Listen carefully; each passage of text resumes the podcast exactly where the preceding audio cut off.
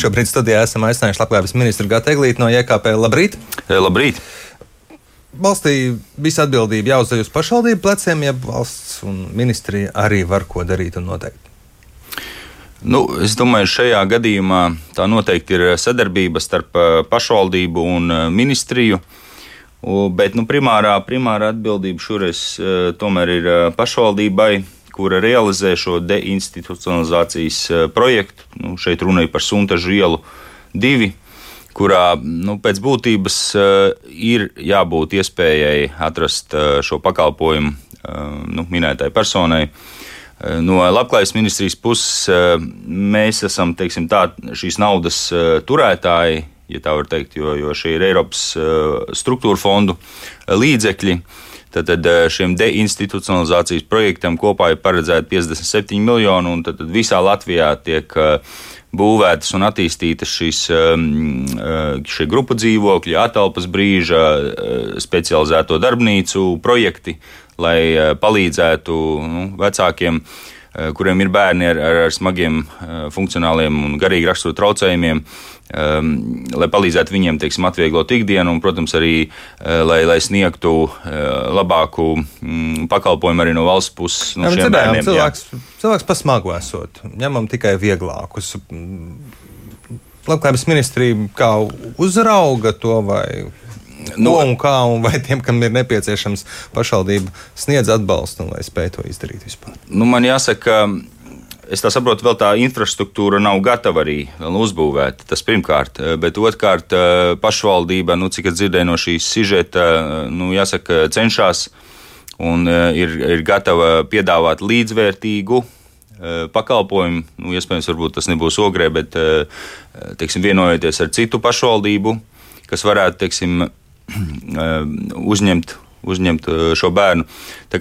Es, es gribētu teikt, ka pašvaldība cenšas, un man ir, man ir pārliecība, ka uh, tiks atrasts uh, risinājums. Jā, nu ierakstā dzirdējām, ka viens no tādiem risinājumiem, uz ko cer un gaida, ir tāds definēts minimālo pakalpojumu grozs, kas jāsniedz pašvaldībai. Šāds definēts grozs tiešām risinās šo situāciju. Nu, tas var risināt, bet tas, tas tā noteikti nebūs panacēja. Jo, teiksim, tā strīds starp valsti un pašvaldībām par dažādiem uh, sociālajiem pakalpojumiem, nu, tas jau ir pēdējos 30 eh, gadus, es teikšu, jā, nu, ir mums dažādi pabalsti. Uh, garantētais minimālais ienākums, dzīvokļu pabalsti, jā, šie sociālai, sociālajie pabalsti par kuriem e, visu laiku ir, strīds, teiksim, nu, cik lielā apmērā, piemēram, pašvaldībām ir jāsniedz šie pakalpojumi, vai valsts, piemēram, kaut ko var līdzfinansēt, kas ir svarīgi pašvaldībām, jo, piemēram, tāds e, GMI. E, tas ir valsts uzlikts pienākums pašvaldībām sniegt šādu pabalstu, likumā uzlikts pienākums.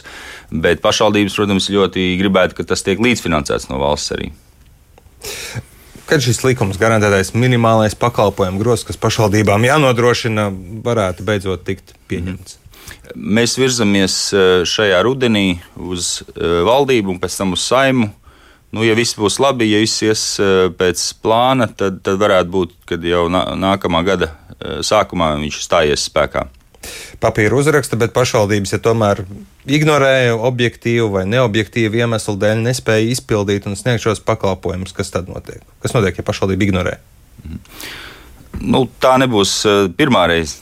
Ja, ja, tā, ja tā būs. Tāpēc ir iespējas. Jā, nu, protams, ka uh, visu laiku ir šīs sarunas, arī iesaistot, protams, eh, pašvaldību savienību, arī kā atrast kopsaucējus sadarbībā.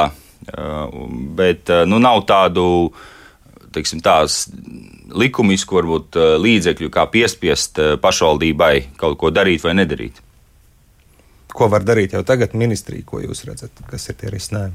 Nu, viens risinājums ir šis eh, vismaz likumiskais ietvars, par ko jau mēs iepriekš runājām, šis sociālo pakalpojumu gross minimāli definētais visā valstī. Nu, teiksim, ja tas tiks nostiprināts likumā, tad nu, vismaz tas ir pienākums teiksim, tā, pašvaldībām. Labi,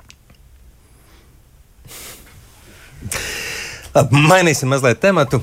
Saimnes komisijās šodien izskatīs likuma projektu par vairākās nozarēs strādājošiem obligātu paredzēto obligāto Covid-19 certifikātu prasību, lai varētu turpināt darbu, un tostarp arī aprūpas centros, pensionātos šī prasība varētu mm, tikt ieviesta un būt spēkā. Kāda ir situācija ar sociālās aprūpas centriem, pensionātiem, klienti vakcinējas, personāla aptver? Jā. Jā, paldies. Jāsaka, situācija ir samērā laba. Īpaši jau klientu pusē ir ļoti augsts šis vakcinācijas um, rādītājs virs 93%. Nu, es domāju, tas parāda, ka nu, mums jāsaprot, ka sociālās aprūpes centros dzīvo tiešām nu, um, cilvēki, kuriem jau tā ir, kur ir, ir pieklājīgā vecumā, kuriem ir nopietnas veselības kaitas, arī hroniskas un tā tālāk ka viņiem tā tiešām ir aizsardzība. Attiecībā uz darbiniekiem ir aptuveni 70% vakcinējušies, tas ir valsts sociālās aprūpes centros. Un es, es pieļauju, ka šis uh, līmenis noteikti celsies vēl nākamo nedēļu laikā.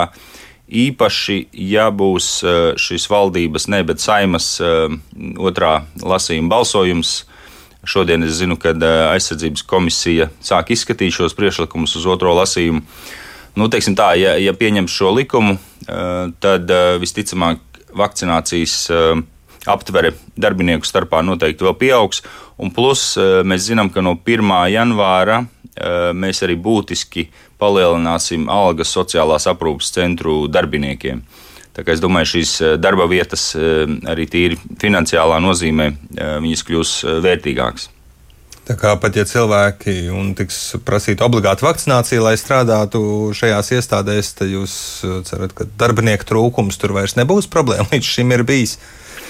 Es to saucu par līdzatbildības vakcināciju. Mums ir primāri jārūpējas par šiem uh, cilvēkiem, kas, kas dzīvo uh, sociālās aprūpes centros, lai viņiem būtu droša vide, uh, Mm, Pagājušā ziemā, kad vīruss gāja uz urā, mēs redzējām, kāda bija tā realitāte. Covid-19 izplatījās šajos sociālās aprūpes centros, un um, galvenokārt ne jau klienti bija tie, kas šo slimību uh, viens otram atnes un pārnēsā, bet tas bija personāls, kuri, lai savāktu pienācīgu atalgojumu, ir spiesti strādāt vairākās iestādēs no vienas uz otru, pārvietojoties uh, gatavojoties jauniem Covid vilniem, par ko jau mediķi brīdina, veselības ministrs brīdina, um, esat labāk gatavi? Es domāju, pavisam noteikti, jo, nu, ja atceramies pagājušo gadu, tad, tad mums nebija vakcīna. Un uh, tagad uh, dēļ, dēļ vakcinēšanās ir, ir iespējams uh, pasargāt um, sevi no, no, no nopietnām komplikācijām, ja, ja, ir, teiksim, ja, ir, ja ir saslimstība ar covid. -19.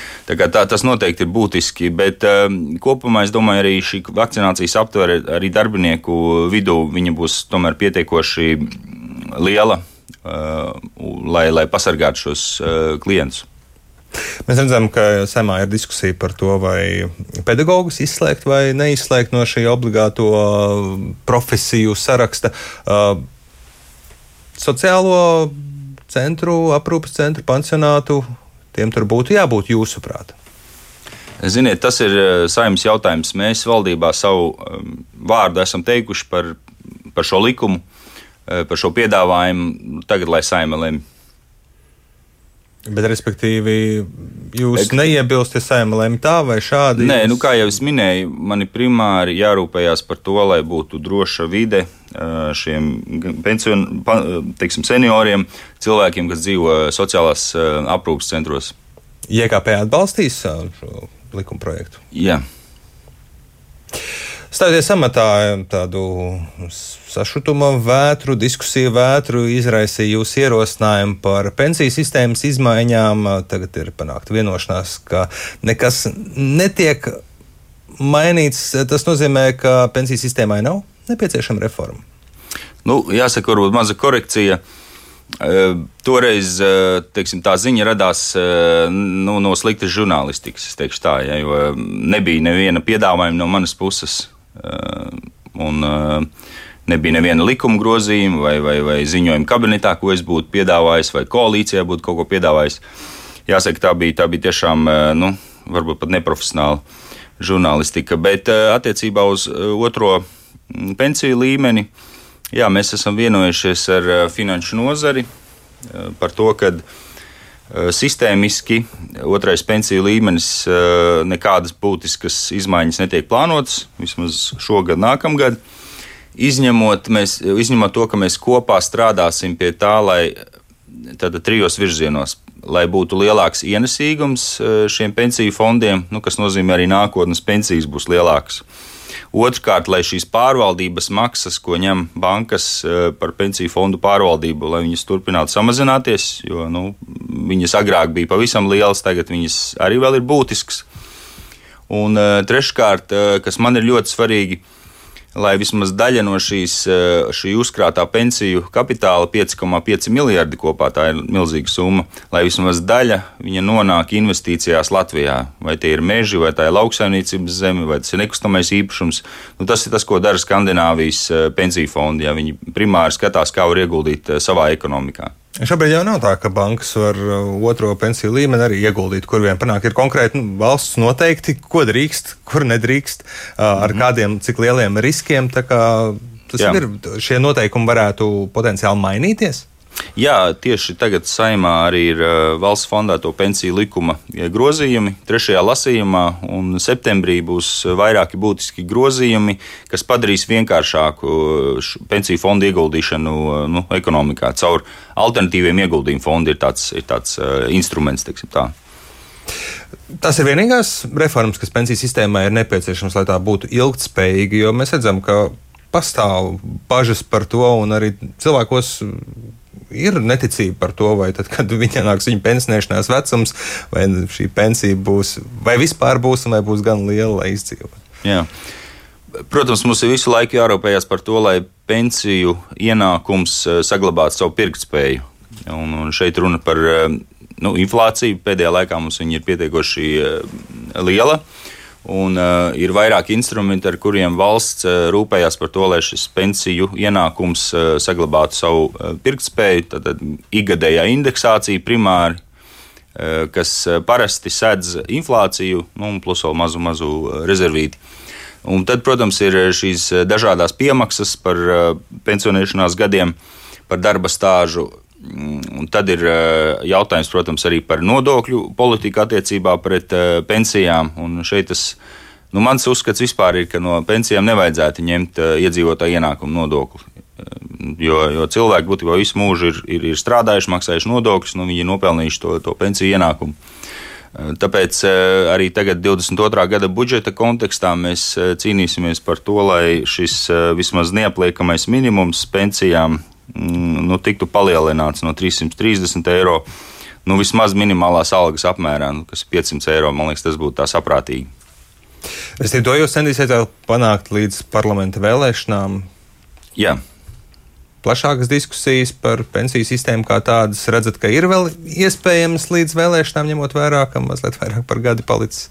Jā, mēs tieši šonadēļ Labklājības ministrijā ceturtdien rīkojam diskusiju, tad ekspertu sarunu par to, kā varētu izskatīties bāzes pensijas modelis, teiksim, reforma. Nu, vai nu no 23. gada, vai no 24. gada. Protams, tas ja ir eh, vienošanās, ka jā, mēs ejam tajā virzienā. Jo jāsaprot, tas, ka mūsu pensiju sistēma tagad ir ļoti eh, nu, sarežģīta. Viņi ir, viņi ir tāds krāsains deķis. Ik pa gadam, gadam kaut kas tiek pie, pielikts, kaut kas tiek atņemts. Ir ļoti grūti saprast teiksim, to kopējo eh, bildi, kā veidojās pensiju ienākums. Šoruden indeksēs pensijas un pat cik? Jā, 1. oktobrī notiks ikgadējā indeksācija, un vidēji tie ir 4 līdz 5% no atkarībā no darba stāža. Tiksim. Paldies jums par sarunu šorīt. Labklājības ministrs Gārds Seglīts no IKP ar mums sarunājās.